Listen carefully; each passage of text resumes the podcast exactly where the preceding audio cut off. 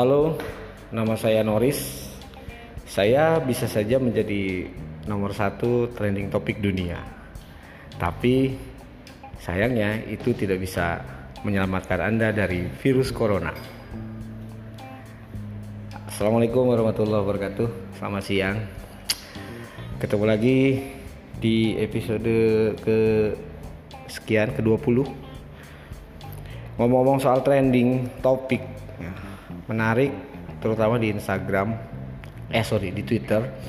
Beberapa hari ini banyak eh, trending topik itu eh, nama orang. Entah itu Nia apalagi lah kemarin Nia Ramadhani.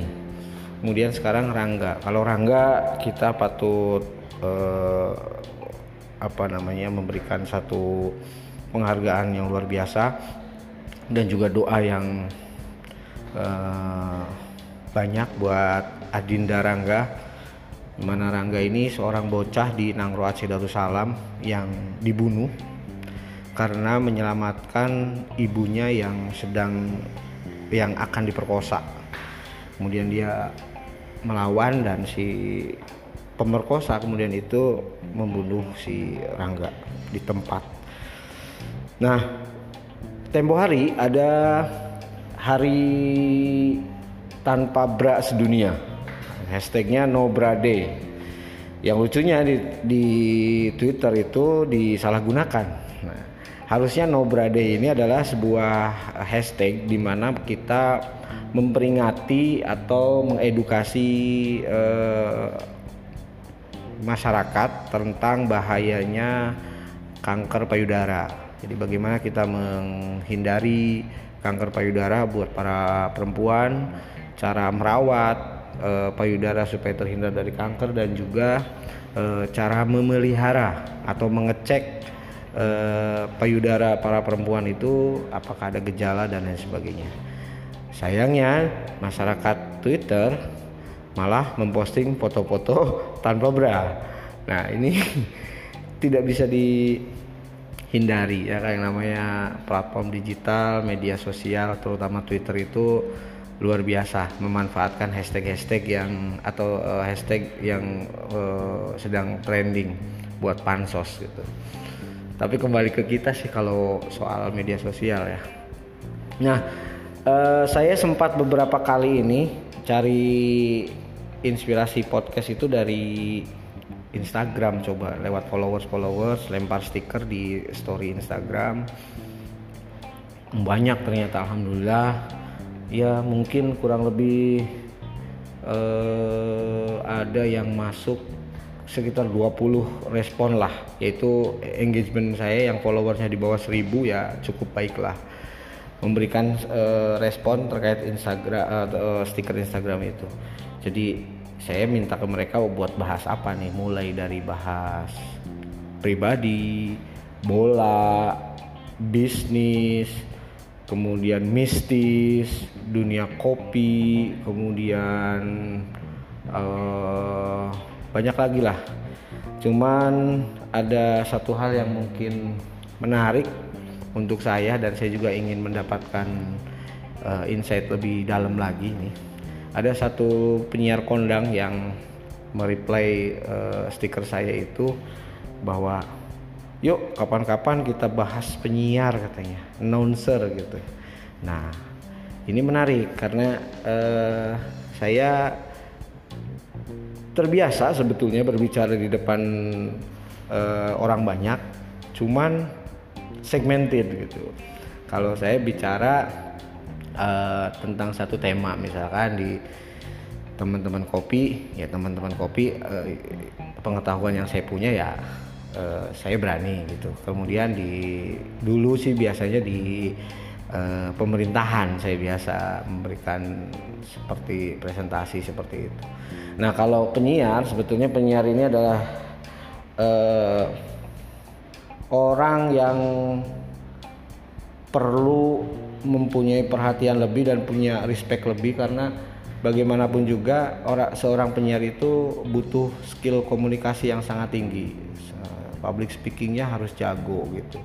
Menurut saya uh, jarang gitu. Orang yang bisa jadi penyiar dan handal. Yang bisa jadi penyiar kemudian terkenal ya boleh kita hitung satu dua lah. Kalau di Jakarta mungkin seperti Gofar Hilman, kemudian uh, si Imam Darto ya, dan Indi Baren, Parahan itu berasal dari orang-orang uh, radio gitu. Nah sekarang kita bicara lokal, bicara lokal kebetulan di sini ada bersama saya seorang penyiar kondang dari Shelter FM, uh, eh, Mas Eko Deni. Selamat siang Mas. Halo Bapak. Waduh, manggilnya apa? Bebas aja lah. Bebas aja. Biasa aja. Biasa aja ya. Nih, kalau shelter tuh apa namanya? Uh, tagline-nya apa?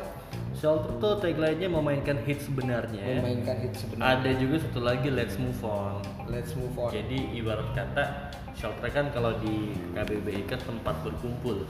Ah. Jadi waktu itu uh, pendirinya shelter tuh bilang kalau radio shelter tuh akan dijadikan tempat berkumpulnya anak-anak yang dewasa muda mm -hmm. untuk mendengarkan radio. Okay. Oh berarti berkumpul dalam artian uh, mendengarkan radio. Iya betul. Okay. Ada nggak misalkan uh, ngumpulin secara offline, apa off air gitu? Off air. Pernah ya?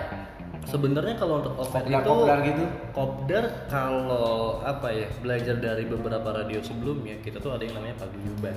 Paguyuban. Cuma kalau di shelter kita sampai dengan saat ini secara official hmm kita belum ada paguyuban atau kita sebut shelter mania yang oh, sudah iya. terkoordinir. Mm-hmm. Cuma ada satu pendengar shelter FM mm-hmm. yang secara sukarela membuatkan account Twitter mm-hmm. shelter mania underscore OFC. Oh, saya belum follow. Saya juga nggak tahu itu kabarnya gimana. Udah dorman kali aku. Udah, makanya gitu pak. Hmm. Kalau inget zaman dulu nih, saya hidup di zaman radio AM dan FM hmm. ya ya umur segituan lah oke okay.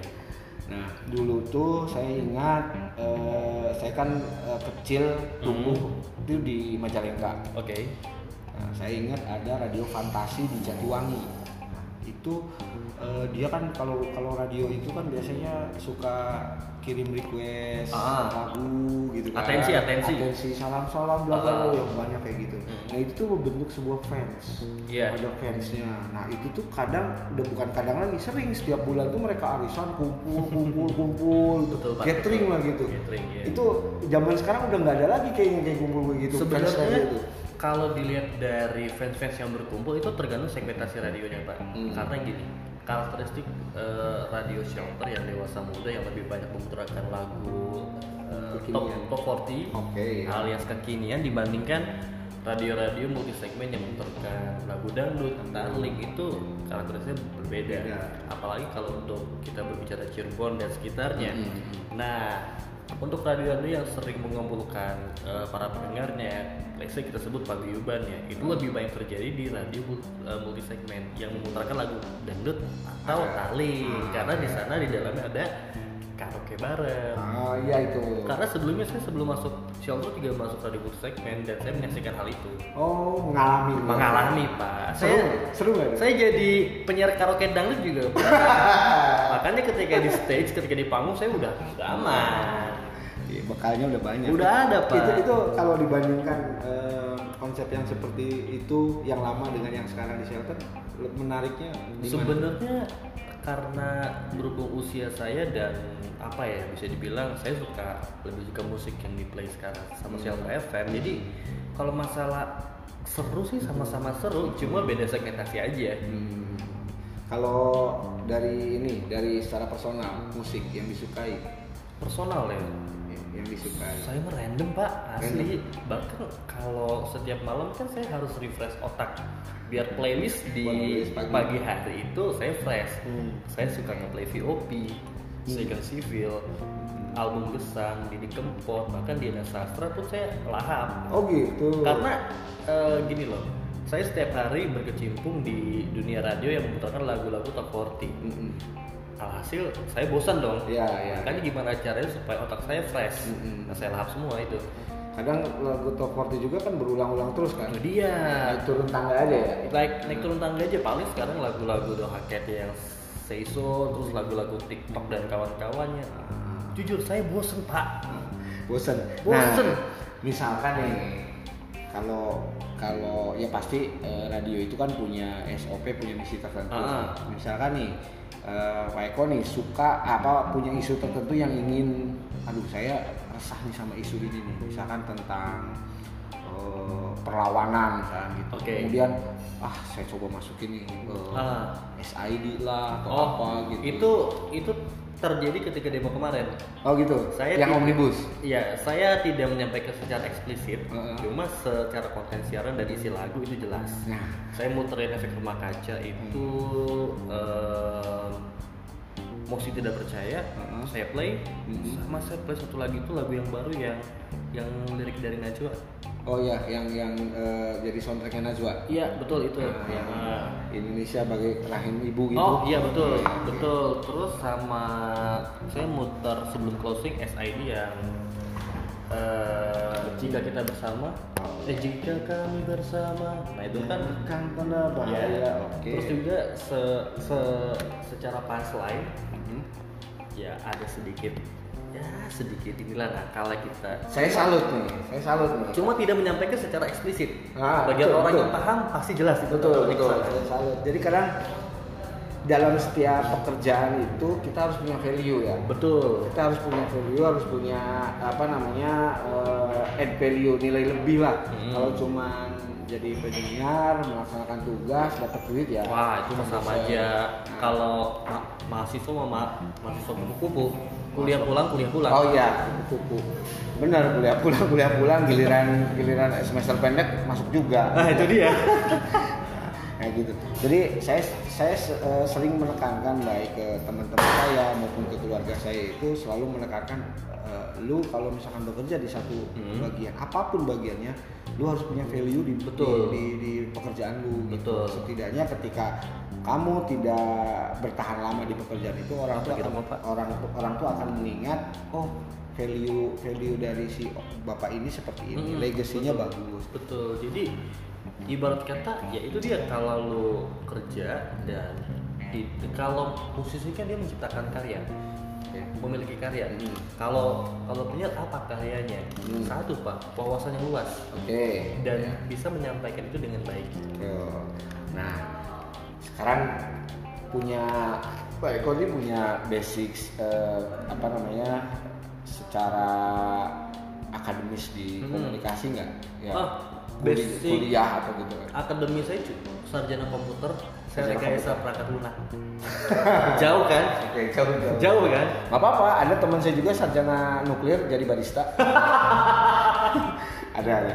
Nah, nah ini menurut saya ini ya komunikasi itu sebuah ilmu paling tua di dunia ini. betul ilmu paling tua. Bahkan sebelum ada bahasa pun sebuah bentuk komunikasi kan dengan isyarat zaman purba segala Betul. macam gitu kan. Hmm. Itu itu itu juga sebuah Anugerah. dasar komunikasi Iya. gitu kan. Bahkan em, apa namanya? Bayi yang baru lahir pun belum bisa apa-apa sudah diajak ngomong. udah diajak komunikasi Udah diajak komunikasi gitu kan. Berarti memang dari awal tuh komunikasi memang penting. Bahkan sejak dalam perut kan. betul Terus didengerin Beethoven, betul di Mozart gitu kan. dengerin ayat-ayat ayat-ayat Al-Quran. Gitu kan terus disapa segala macam gitu kan itu adalah eh, sebuah sebuah ilmu yang sangat mendasar yang ke sininya saya mendapatkan eh, pengetahuan gini bahwa komunikasi itu terutama penyiarnya. Kamu nggak perlu tahu lebih detail tapi yang penting kamu tahu banyak hal. Paham.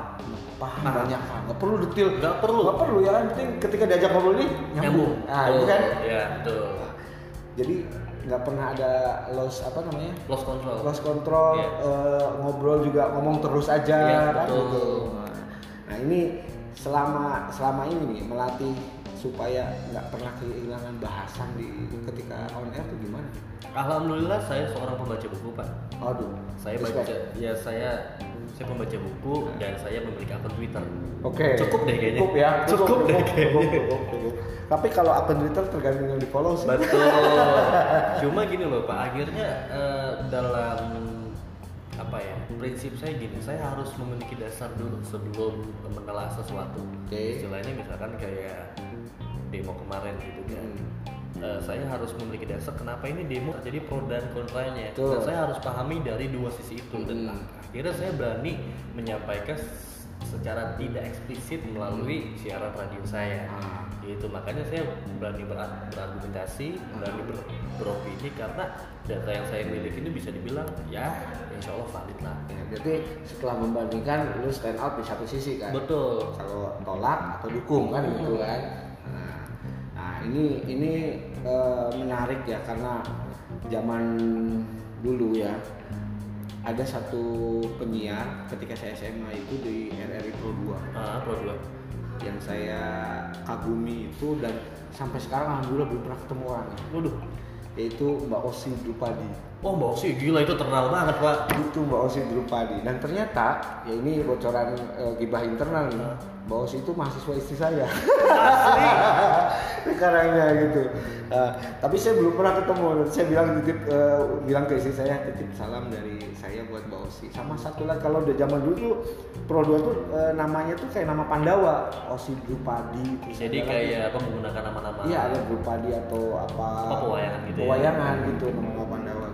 Itu sangat menarik ketika off air di satu tempat gitu eh, ada acara kayak Pak Eko misalkan yang host gitu Hmm. pengen datang karena saya orang dari luar kota acaranya eh, weekend ya nggak bisa hadir gitu.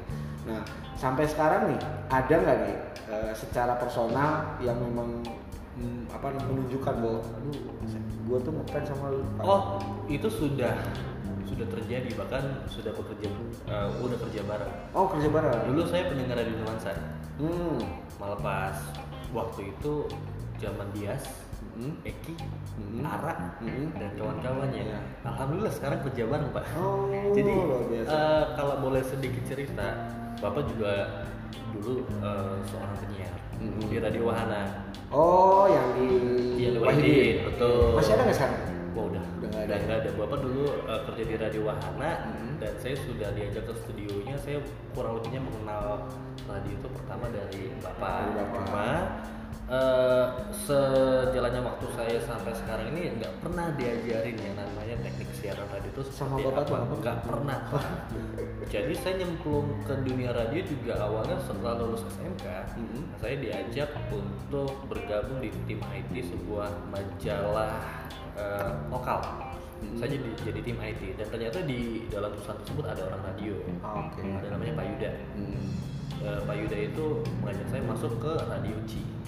Ci Radio yang di Sumbar. Iya, Cici Radio. Nah, nah akhirnya saya mulailah belajar radio. Awalnya pun saya seorang IT dan gak produksi. Baru mulai siaran setelah enam bulan kemudian. Oh, ya. Saya kurang lebih tiga tahun, tiga tahun di sana dan akhirnya melalui radio C saya punya kenalan, Hmm. punya koneksi ke EB Batik. Karena waktu Oke. itu kita menggarap event nonton bareng timnas Indonesia pas awal-awal ada event Bahdim. Mhm. Kita nobar di Kampas Table, terus kita eh, joinan menggarap event ulang tahun Kampas Table yang kedua, dan akhirnya mulailah dari dari situ. Tahun berapa itu? 2013 2013. saya kenal sama pendiri shelter almarhum Mufti Mukhtiar terus eh, akhir 2013 Desember saya diajak diajak gabung gitu gimana mau nggak oke gabung awal 2014 Itu langsung jadi announcer. belum Oh, belum. saya jadi operator siaran yang kerjanya sip sifan jadi gini posisi saya di di Ciradi itu istilahnya sekarang udah se- setara sama program director Oh. cuma di shelter akhirnya kalau se- secara posisi saya itu turun yang yang paling bawah Hmm. nah masuk ke shelter itu juga enam bulan setelahnya baru bisa siaran Hmm. nah karena kan zaman dulu kan istilahnya shelter tuh ada Pristiadi ya, Mm-mm. ada Bayu Bugaran yang istilahnya secara kualitas siaran emang gila Mm-mm. Pristi aja lulusan Arda Mm-mm. Bayu uh, Global Radio Bandung Mm-mm. sementara saya dari radio daerah yang multi segmen akhirnya sekarang segmented nah selama enam bulan itu saya jadi uh, operator dan dan produksi terus seiringnya saya bisa siaran ya istilahnya saya pelan-pelan lah merangkak belajar pelan-pelan dan akhirnya alhamdulillah sampai sekarang ya orang-orang tuh tahu lah siapa yang udah ini gitu Iya. Itu eh, pertama kali siaran dikasih prime time nggak? enggak saya malam pak Malam. jam 10 malam dan Sampai jam? sampai jam 12 dan salah satu kekurangan saya adalah saya kalau namanya ngantuk kan nggak tahan. Saya tidur pak. Lagi siaran tidur pas sering dimarahin pak. Asli. Itu kalau di radio tuh kalau siaran malam ada yang ngawasin nggak sih? Apa sendirian sama seharusnya orang? ada. Kita punya teman namanya operator Mm-mm. nah jadi ketika saya siaran posisi saya sudah bukan jadi operator lagi. Jadi a- ada. ada temennya gitu. Jadi eh, sebenarnya bisa ngingetin ya? Bisa cuma waktu tidur itu juga jadi namanya ngantuk ya pak kalau kalau saya tuh kalau udah ngantuk dulu harus tidur walaupun 5 sampai 15 menit Hmm. nanti setelahnya bisa fresh lagi gitu Kalau saya tuh eh, memang kalau radio tuh memang kekuatan kekuatan apa namanya eh, memori pendengaran ya. Iya. Zaman dulu sebelum ada shelter saya dengerinnya tuh pilar radio. Pilar, oke. Pilar karena saya suka pilar itu setiap pagi ada berita olahraga. oh iya waktu sama Rama ya Rama, Nah, ya, itu suaranya khas banget. Kemudian setelah Rama, saya eh, sangat ini sangat nempel suaranya Dika. oh ya Dika Dika. Nah kalau di shelter, ya sekarang saya tahu semua gitu. Oh ini ini Yanes, Ah. ini ini udah semua gitu, udah semua. Cuman pa- eh, apa namanya beberapa segmen yang nggak pernah saya ikuti kan malam. Biasanya kalau saya udah pagi. Saya tuh Iya. paling paling sering dengerin Pak Eko gitu. Berangkat sekolah dengerin lagi berangkat sekolah dengerin lagi. Sampai anak saya kalau masuk mobil itu langsung 95,3 Oh, asli? asli. Tuh anak saya yang sekarang udah SMP langsung segitu dengerin. Waktu dulu masih zaman zamannya Alan Walker. Oh iya. Yo. kalau faded ya? Oh, lu alone apa marshmallow lu udah di dihantuk semua itu sampai ibunya juga dulu kak katanya begini. Eh, apa namanya? Musik kan jadi gini. Jadi kayak gini gitu, sambil di rumah gitu ngobrol-ngobrol gitu. Nah ini nih ada ada pengalaman menarik nggak selama siaran? Pengalaman menarik ya? Eh, kalau pengalaman menarik sih jelas ada. Cuma yang paling paling membekas sih nggak ada ya di kerjaan misalkan di kerjanya ada pernah ada kejadian lu bener bener, bener Oh. dimarahin sampai di apa atau oh pernah pernah. Atau pernah. dulu pernah di appreciate banget gitu? Pernah. Yang namanya setiap apa gawengnya pasti eh, ini ya naik naik turun ya. Cuma kalau untuk turun yang paling parah ya saya siaran tidur pak. Mengkel parah. Itu sampai dead air. Asli. Sampai dead air. Saya paling sering di notice masalah itu. Ya namanya gini loh istilahnya bapak lagi di mobil malam-malam dengerin saya siaran. Tiba-tiba setelah lagu kok ada penyiar ngomong nggak ada lagu. Padahal belum ah, belum jam closing gitu kan. Ini penyiar mau tidur nah saya sering. Dulu dulu dulu dulu malam pas siaran malam. Karena aktivitas saya waktu itu eh, pagi staff malam siar. Pagi staff sore saya kuliah malam saya siaran. Oh. Gitu aja terus sampai 2017 dan Nah. akhirnya dari dari apa dari pengalaman itu jadwal saya dirubah. Hmm. jadi eh, lebih pagi di jam 7 malam lah sama sore. Kalau bapak nih pernah dengerin uh, Pak Eko siaran? Saya kalau bisa dibilang eh, saya adalah seorang penyiar radio yang pernah dengerin radio mana pun termasuk radio sendiri. Oh gitu? Iya, karena gini loh, eh, apa ya, gambaran saya untuk membentuk suatu eh, pola pikir supaya saya bisa siar dengan baik. Dan benar. Waktu itu eh, kalau saya tipe orang yang cukup dengan 5 sampai 15 menit udah cukup gitu. Jadi ketika lihat anak-anak shelter waktu itu di GK, Kristiadi, Bayu, saya saya merhatiinnya cuma sebentar 5 sampai 15 menit. Cuma kan dalam kurun waktu yang lama bertahun-tahun Iya, iya, gitu. Jadi istilahnya saya nggak nggak butuh waktu lama untuk eh, mendengarkan satu siaran radio sebentar aja sebentar udah cukup. Oh gitu. Padahal kan kalau saya mungkin perlu referensi gitu. Iya. Buat buat uh, personal branding gitu. Kalau saya tuh penyiar yang begini begini begini. Iya. Tapi mungkin bisa jadi kalau kebanyakan dengerin orang jadi influencer terlalu gede ya. Iya itu dia. Ini kok gaya ini kayak gopar banget sih. itu dia gitu kan dia. bahaya ya. nah apalagi sekarang kan sudah apa zaman digital ya Mm-mm. kalau sebelum ada podcast dulu saya dengerin ngobam Gofar lihat lihat sambil dengerin ngobam Gofar sama paling Gofar sih bang Iya, iya, iya. jadi akhirnya kan ter, terbentuk oh cara siaran tuh harus enjoy harus benar-benar itu sama narasumber materi harus lu harus lu kuasain punchline seperti ini. Jadi belajar saya bukan dari dengerin radio dengerin konten. Nah kalau yang di sosok yang dikagumi di, di apa sebagai seorang penyiar siapa? sementara ini saya lagi lebih condong ke Surya Surya Dunia Surya Dunia. karena gini loh sekarang kan Surya sekarang lagi naik ya. Dia uh, uh, pembawa Gopar kan malam terus juga di rock juga sama Gopar. Udah dari segi bahasa Surya bisa dibilang lebih aman dibandingkan Gopar. Iya iya. tapi komedinya dapat lucunya dapat punchline-nya betul, dapat. Makanya sih oh ini Surya pas nih. Hmm. makanya saya kalau sekarang lebih terinfluence sama Surya Surya Insomnia ya. terus juga karakter dia bener-bener kayak ngobrol anak tongkrongan Ya. jadi nyaman Kalau ini apa namanya orang tua sendiri, bapak kan penyiar, bapak. nggak pernah dengerin bapak siaran Bapaknya pernah dengerin Pak Eko nggak? nggak tahu Nggak tahu. jadi saya selama ini nggak nggak pernah nanya cuma ketika lagi apa ketemu orang-orang lama radio jadi misalkan kayak Dici kayak Dici radio dulu saya jelasin kamu anak siapa anak Bang Heri Hmm. Bang Heri mana punya wahana wah ternyata teman-teman bapak semua Hmm, gitu terkenal ya. kenal dulu ternyata bapak dulu juga terkenal Oh, pada zamannya terkenal ya. Nah, sekarang nih ada yang namanya penyiar kan pasti punya jago public speaking, Hmm. skillnya kan lumayan gitu kan bagus gitu. Nah, kalau saya gampang gampang simpulkan kan biasanya banyak jadi orang penyiar radio itu jadi host iya terus jadi pembawa acara baik event resmi maupun tidak resmi. Ya, dulu juga saya pernah hire Pak Eko kan. Iya. Nah, apa namanya tipsnya sih? oh kan speaking ya kan banyak banyak Iya. ini banyak event gitu mau Ah. kawinan, sunatan, Ah. apa segala acara kantor, acara corporate segala macam Iya. itu kan harus menguasai semua nih gimana? Iya. Kalau saya sih risetnya itu eh, apa ya? Selain maaf, eh, selain materi yang dikasih sama Iya. ini. Saya itu risetnya gini.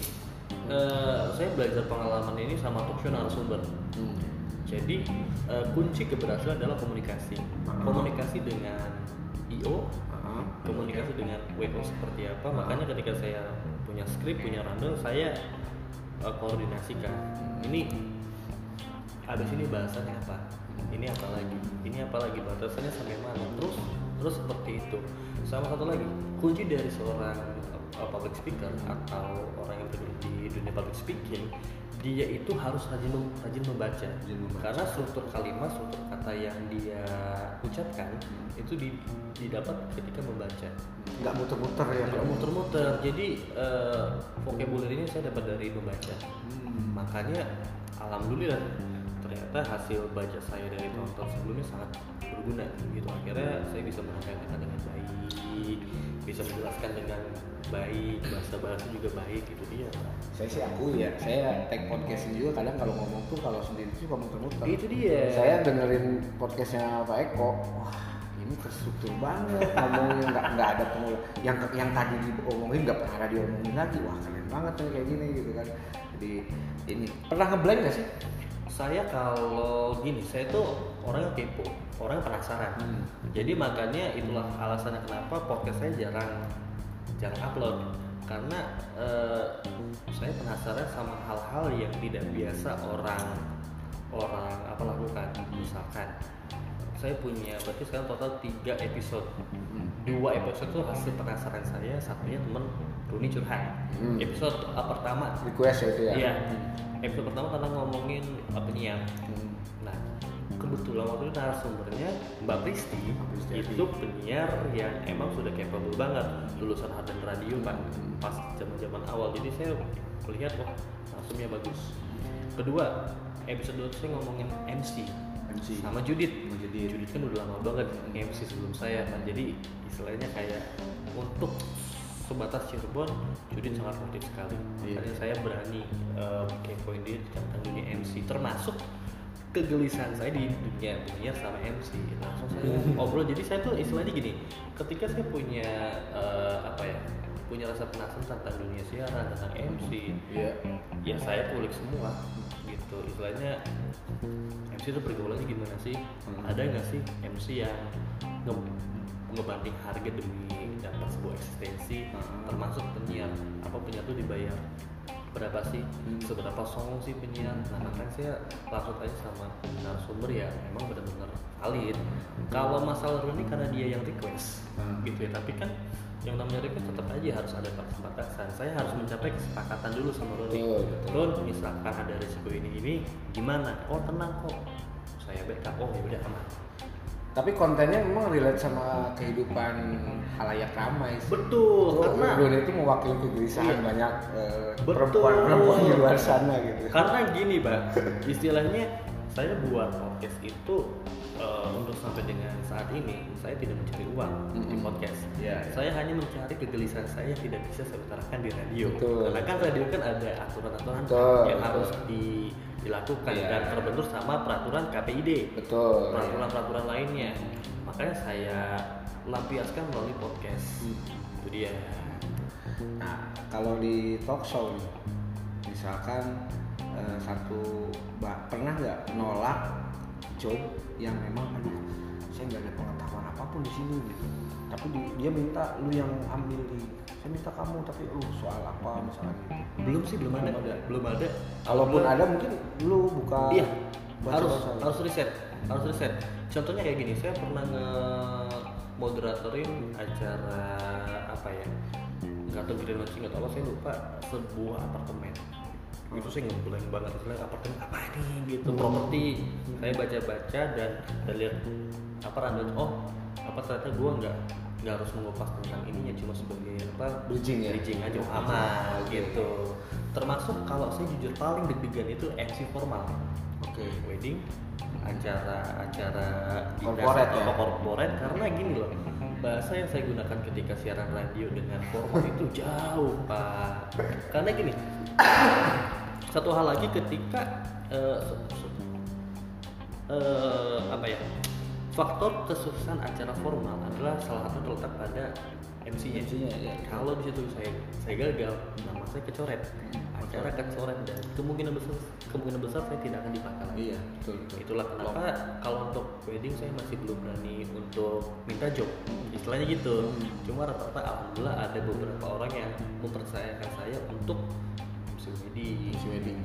MC wedding sih grogi banget Pak. asli saya sih dulu ya pencapaian terbesar saya eh, ya ini bukan public speaking mungkin karena diundang sebagai narasumber itu ya pencapaian terbesar saya adalah eh, ngomong langsung di depan Pak Jokowi Oh, Nah, Pernah? pencapaian terbesar saya Wah, ya. hebat. Nah, itu di acara acara yang saya apa namanya di kegiatan yang pekerjaan yang saya pegang Dan ya alhamdulillah yang di Gebang bukan?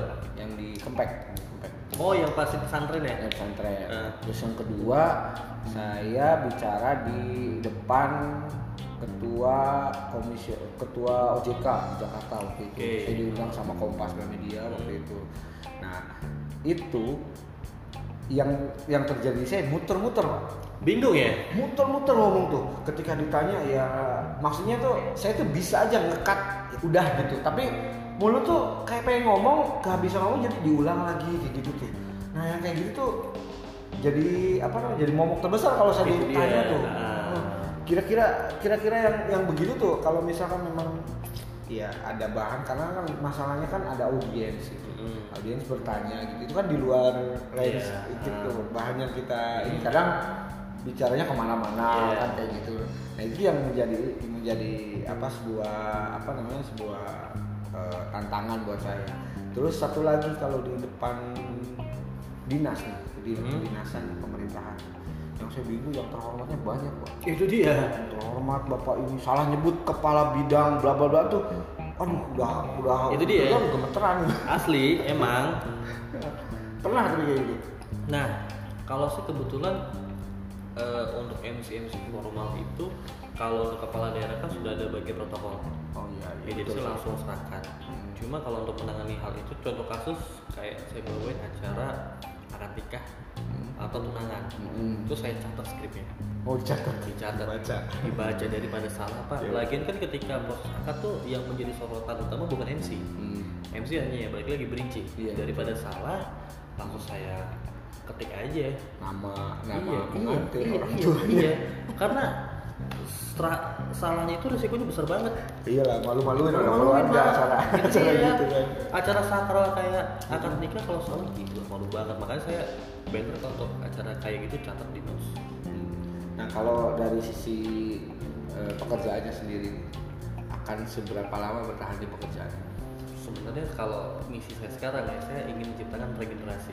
Oke, bagus. hal pertama yang saya lakukan adalah mengisi beberapa seminar. Itu udah dilakukan dari 2019 kemarin. Oke, iya, iya. sama UGJ sama YIN sama uh, beberapa orang yang, yang saya kenal yang pengen minta masuk ke tentang public speaking. Saya sangat welcome sekali. Istilahnya ngobrol ya lu tinggal ngobrol aja lu nggak harus takut oh sama sama saya kok harus gimana? Enggak lu tinggal ngobrol main main ke radio janjian kes close kelar Oke. Mudah-mudahan dengan acara itu tuh banyak orang yang karena gini salah ya. salah satu PR untuk dunia public speaking Cirebon adalah regenerasi regenerasi. contohnya bapak lihat aja gini MC MC sini Cirebon siapa aja sih yang baru Empat L ya, lu lagi lu lagi ya. empat lu lagi gitu contohnya saya lah MC yang lebih sering ada di acara bola maka saya tampil berani karena saya dibandingin MC MC cowok lainnya saya yang lebih paham masalah bola Hmm. iya makanya saya berani. Nah saya pikir kalau gua lagi gua lagi kayaknya parah juga. Makanya saya ingin menciptakan regenerasi. Emang sih di fans fans bola acara apa pun sekalipun event turnamen atau apa pun ya lu lagi gitu. Iya. gak ada yang lain.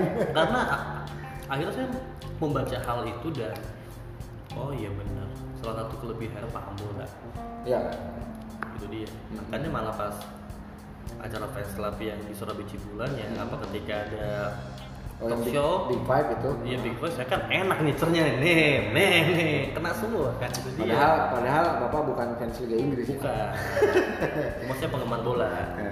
tapi tahu gitu Tahu. perkembangan perkembangan Kurang lebihnya saya tahu pak. Nah itu penting, jadi istilahnya wawasan kalau hanya mengandalkan kemampuan bicara tanpa memiliki wawasan sama juga bohong. betul betul Itu betul, dia. betul sekali nggak nggak relate lah yang diob- yang diobrolnya akan ngelantur ke mana-mana nanti Iya betul. Dan kalau ngomongin prestasi, salah satu prestasi terbesar saya adalah menjadi moderator di acara Bank Indonesia di CSB. oh itu acara apa itu Acara apa ya BI tahun tahun 2019? literasi ini literasi keuangan Iya. Nah, jadi foto saya terpampang di Megatron belakang saya. Waduh, Oh, gede iya. bos. CSB lagi di dalam Oh, iya, iya, iya. Makanya ketika saya update banyak yang ngomong sih, alhamdulillah. Akhirnya salah satu pencapaian. Nah itu juga bridging aja padahal ngomongin Bank Indonesia ngomongin Nah. kebijakan kayak gitu gimana sih? Kalau ngomongin masalah materi, kalau sama BI istilahnya alhamdulillah materi yang mereka angkat masih bisa saya Kuasai. lakukan Oh, gitu. gitu masih bisa dicari Hmm. sumber-sumber tapi kalau ngomongin masalah materi saya paling berat sama orang OJK Hmm. bahasanya ngeri pak Iya iya. tinggi-tinggi kayak perlu waktu tuh Iya, untuk iya. ah, oh, karena mereka juga orang-orang yang berkecimpung di OJK Hmm. kayak Mas Bahtiar dan kawan-kawannya paham perundang-undangan keuangan Iya. paham sistem keuangan seperti apa dan saya pun dan satu mereka ngomongnya to the point dan cepat Oke. tapi uh, pembahasannya menarik banget dan suka. Cuma butuh waktu untuk mencerna itu. Hmm. karena bahasanya masih asing bagi saya. Hmm. nah, dari itu ah, Kalau kalau pas ngobrol ngeblank nih, pernah nggak udah split skip yang ini ngobrol yang lain? Pernah. Karena nggak aduh nggak Oh. nggak masuk nih saya nih obrolan ini. Oh enggak Enggak. oh saya enggak saya diterusin. saya lebih baik uh, bertanya oh gitu sekalipun itu Oh, ya. dia lebih Ini baik tips menarik bertanya. nih. jadi ketika ada bahasa yang apa Nggak kurang jelas. paham lebih baik bertanya ini maksudnya apa oh gitu karena yang nggak paham mungkin bukan cuma saya aja oh iya pendengar iya sih juga betul nggak betul, paham betul betul betul atau Betul. uh, Hmm. audiensi nggak paham jadi lebih baik bertanya aja Jadi kadang si host itu juga merepresentasikan audiens ya. Betul. Ya.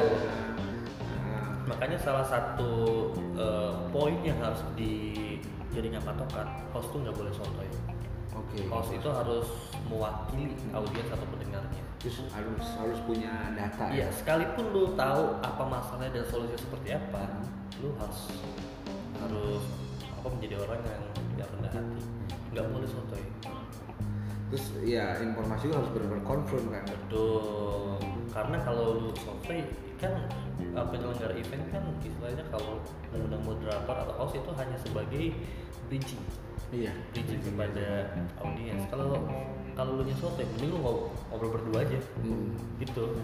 Ya kadang kesuksesan acara juga memang ya salah faktor utamanya juga ya di host Betul, itu sih. Betul. kadang kalau saya nggak bisa bikin crowd kalau acara-acara anak muda ya ya udah nggak akan bisa itu Itu dia, nggak itu dia. hidup itu acara itu rata-rata kan ada eh, berbagai macam karakteristik host tuh yang istilahnya bawel, ngerontos terus, Iya, iya, ada. tapi kosong isinya gitu ya karena maaf ya ada beberapa yang sotoy tentang satu hal dan padahal itu bukan bukan job desk dia. oh. MC kan bridging pak, Heeh. Se- seorang yang bridging materi, bridging produk gitu, udah lu lu sesuatu ya gitu aja sih. tentang tentang misalkan lagi eh, launching produk ya mau sesuatu tentang produk itunya Iya betul. bahan yang udah terima itu yang sampein Itu betul disiplinnya di situ. beda kalau kalau misalkan di radio on air itu lu bisa ngasih opini pribadi Bisa. juga bisa bisa ngasih insight cuma balik lagi jangan terlalu sotoy Oke. Ini menarik nih karena ya seperti tadi disampaikan juga regenerasinya udah wah kurang. kurang kurang Jadi kita kalau dengerin semua radio ya ya. orang-orangnya itu aja Iya. gitu kan nggak ada yang baru-baru gitu kan. Ada yang baru nggak bisa lama paling kayak gitu itu kan. dia Nggak nggak bisa bertahan entah kenapa kenapanya gitu kan. Nah ini tuh udah jadi hobi, passion atau memang karena kerjaan yang bisa lu dapet ini sejujurnya saya tuh sedikit terpaksa. Sekarang.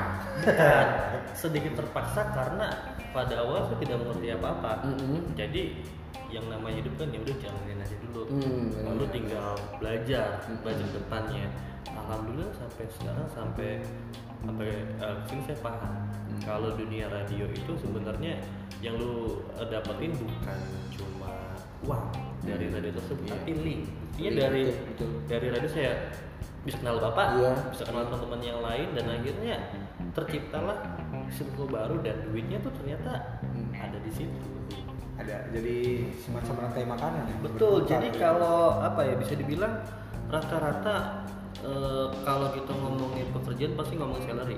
ya.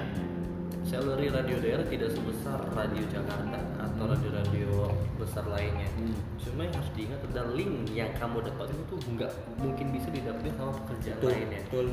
Zaman sekarang kan yang namanya jejaring itu kan luar biasa. Luar biasa. Jadi mikirnya gue di radio aja bisa bisa ngobrol sama bupati, Hmm. bisa ngobrol sama apa jabat daerah lainnya melalui sebuah link link radio bisa ngobrol sama klien bos-bos uh, perusahaan besar sama kepala kantor perwakilan Bank Indonesia itu kan kalau bukan dari radio susah ngobrol pasti. Betul. Nah, jadi bukan kalau yang kalau pendapatan sih memang yang lu dapetin dari dari apa, radio dari radio segitu. segitu Nah, tapi penghasilannya lebih besar. pasifnya lebih besar Nah, penghasilannya Iya. itu lebih besar dari yang mana mana. ya bapak tau lah budgetingnya seperti apa nggak apa-apa. Santai aja. Kalau mau ada acara apa Iya, coba. keren. Keren. nah terus em, eh, ini aja deh. Mungkin eh, terakhir kali terakhir terakhir. Kira-kira ada pesan nggak membuat para anak muda zaman sekarang yang menurut saya sih masih pada eh, sibuk me, apa namanya sibuk menikmati hidup gitu oke ada anak-anak muda sekarang kan saya kalau saya lihat ke kedai kopi nongkrong nongkrong nongkrong nongkrong banyak sekali yang nongkrong Nah, mungkin biar lebih produktif merencanakan ke depannya seperti apa kira-kira? Oke, yang paling penting adalah tentukan visi dan misi tujuan hidup itu seperti apa. Hmm. Istilahnya ketika lo sudah apa tahu yang namanya tujuan hidup, lo bisa ngerencanain jangka pendek, jangka menengah dan jangka panjangnya seperti apa. Nah, lo tinggal nyari eh, beberapa indikator, beberapa referensi gimana caranya supaya tujuan lo tuh tercapai. Betul. Sama buat anak-anak fresh graduate atau anak-anak yang baru mulai di di dunia kerja kerja atau public speaking jangan money oriented Oke. karena lu baru Hmm. gitu kalau lu dari fresh graduate udah dapat hasil lumayan ya alhamdulillah Ya. cuma kalau belum ya lu jalanin aja jangan takut kalau kalian ini bakal kehilangan rezeki nggak bakal karena yang namanya dunia profesional ya profesional. Betul. pasti diperhatikan. Cuma karena lu baru ya jadi lu barunya dapat segitu. Kecuali kalau lu udah punya pengalaman banyak CV lu udah banyak ya udah. Ya kan namanya juga baru iya kan. karena rata-rata dari apa eh, beberapa teman yang saya tawarin job MC hal pertama ngomongin budgeting. Yang nggak salah sih cuma kan istilah gini kesempatan itu sangat jarang sekali untuk didapatkan. Betul. kalau nggak lu manfaatin dari sekarang kapan lagi beda sama orang yang mencari kerja ketika sudah berkeluarga. itu dia susah Dia ngukur kan, ngukur saya kebutuhan seribu, masa digaji cuma 200 nah itu dia Kayak gitu. beban nantinya Kalau anak-anak yang fresh graduate ya udah siap gradang. ajar aja dulu Ajar aja dulu ya. Sebagai sebagai ini buat menu-menuin CV aja dulu. gitu. Oke, thank you Pak Eko ya. thank you sama-sama pak Nah, nanti kita sharing di podcast selanjutnya lah. boleh Yuk teman-teman, eh, tadi ngobrol, ngobrol panjang lebar sama Mas Eko Deni ya, eh, penyiar dari Shelter FM, yang memang kalau untuk kalangan masyarakat Cirebon sudah tidak asing lagi namanya. Tiap pagi suaranya bisa didengerin di semua di kota Cirebon lah, di eh, radio setiap pagi memutarkan lagu-lagu hits yang sebenarnya gitu. Dan eh, satu konklusi sebuah kesimpulan saya obrolan tadi sama Mas Eko bahwa yang pertama mungkin em, setiap pekerjaan itu lu harus punya add value harus punya nilai tambah. Jadi lu tuh nggak cuman hidup bekerja dan pulang. Itu yang lu dapetin ya cuman capek nantinya gitu. Lu nggak akan merasakan puas dari apa yang lu kerjain gitu kan. Karena ya lu hidupnya cuman buat kerja kerja pulang kerja pulang sampai kapan pun ya lu lu akan eh, tidak akan merasakan kepuasan gitu. Nah kemudian yang kedua mungkin eh, apa pun pekerjaannya kalau memang kita serius eh, kita berusaha profesional eh, semuanya akan mendapatkan hasil yang maksimal. Satu titik akan disambung dengan titik-titik-titik-titik yang lain sehingga mem- me- membentuk garis lurus nantinya. Dan garis lurus itu yang akan membawa kamu ke tujuan kamu tujuan hidup kamu yang sebenarnya.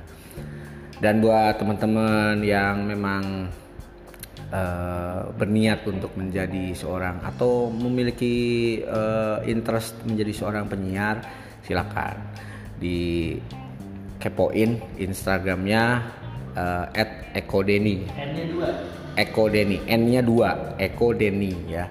Atau lu dengerin lah sebagai referensi gitu kan di radio Shelter FM tiap pagi jam 7 pagi itu. Bisa bangun pagi nggak kalian nih? Ya. Oke mungkin itu saja.